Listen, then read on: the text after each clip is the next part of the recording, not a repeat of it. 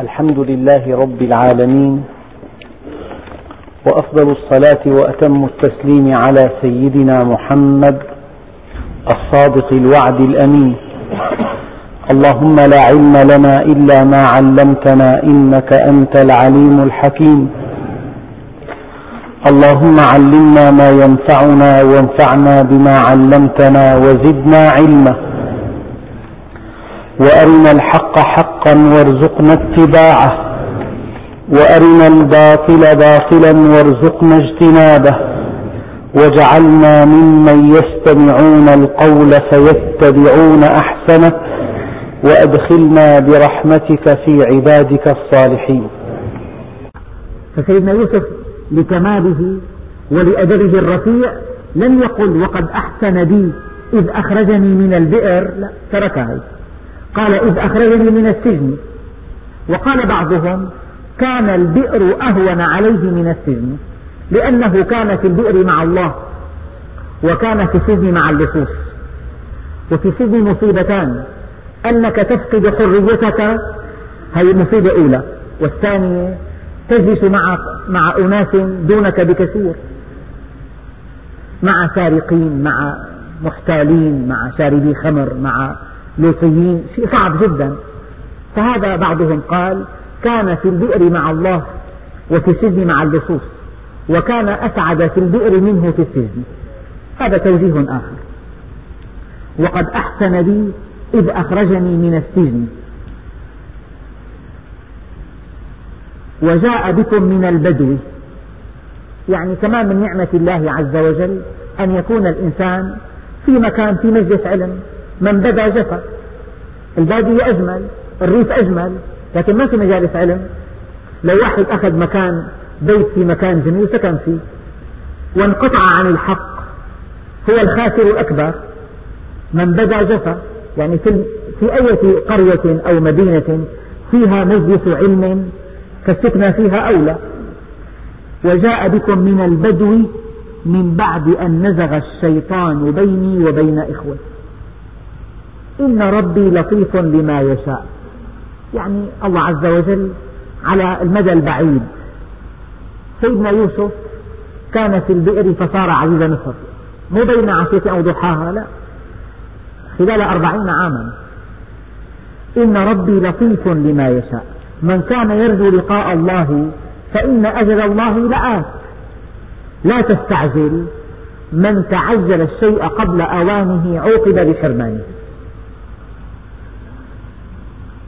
إن ربي لطيف لما يشاء إنه هو العليم الحكيم.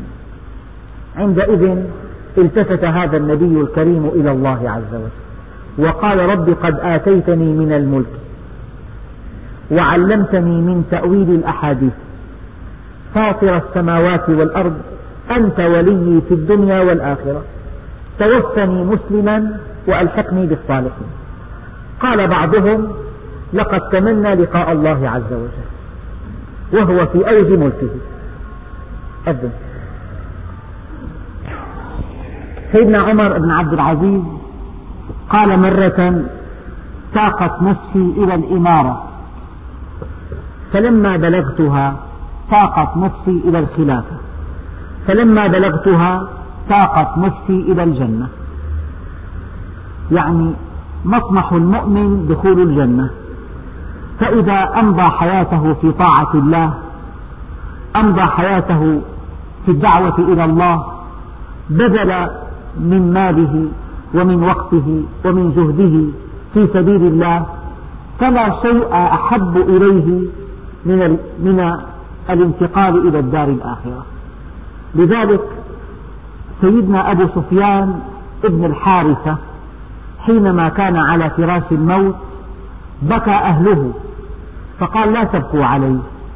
فوالله ما عصيت الله منذ أسلمت لا تبكوا علي. أنا في جنة. يعني ساعة اللقاء عند أهل القرب لا تعدلها ساعة. ساعة اللقاء هي عرس المؤمن. لا كرب على أبيك بعد اليوم. غدا نلقى الأحبة محمدا وصحبه. لكن النبي عليه الصلاة والسلام نصحنا فقال لا تتمنوا الموت. قال مرة خيركم من طال عمره وحسن عمله. ولكن قولوا اللهم أحينا ما كانت الحياة خيرا لنا وأمتنا ما كان الموت خيرا لنا. يعني إن كانت حياتنا فيها زيادة من الخير فأحينا. وإن كان فيها زيادة من غير الخير فأمتنا وتوفنا.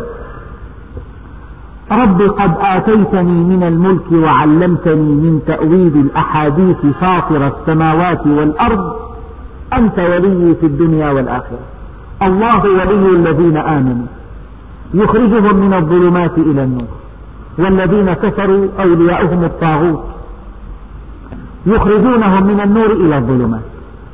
يعني شتان بين المؤمن وغير المؤمن.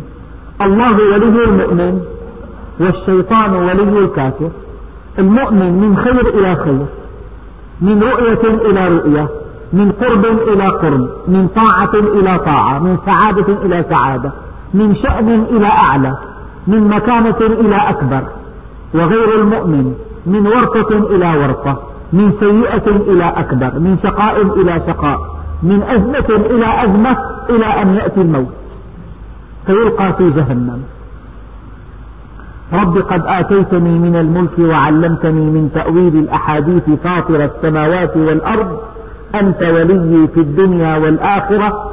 توفني مسلما وألحقني بالصالحين. لذلك إذا أحب الله عبده عسله. قيل وما عسله يا رسول الله؟ قال يرزقه عملا صالحا ثم يتوفاه عليه. حدثني أخ في الجامع عندنا هنا. له والد يعمل مؤذنا. وبعضهم قال ومن أحسن قولا ممن دعا إلى الله هم المؤذنون. أذن لصلاة الظهر وأقام الصلاة واقتدى بالإمام وصلى الركعة الأولى والثانية والثالثة وفي سجود الرابعة توفاه الله عز وجل. وفي أناس يموتون وراء أجهزة له. في أبشع الميتة إذا أحب الله عبدا عسله. قالوا وما عسله؟ قال رزقه عملا صالحا ثم توفاه عليه. لكن من من شب على شيء شاب عليه. لا تتوقع المستحيل. أخي أنا إن شاء الله الله عز وجل رغم المعاصي كلها لعل الله عز وجل عند الموت يبعث لي عمل صالح. لا في موضوع آخر. من شب على شيء شاب عليه ومن شاب على شيء مات عليه ومن مات على شيء حسر عليه.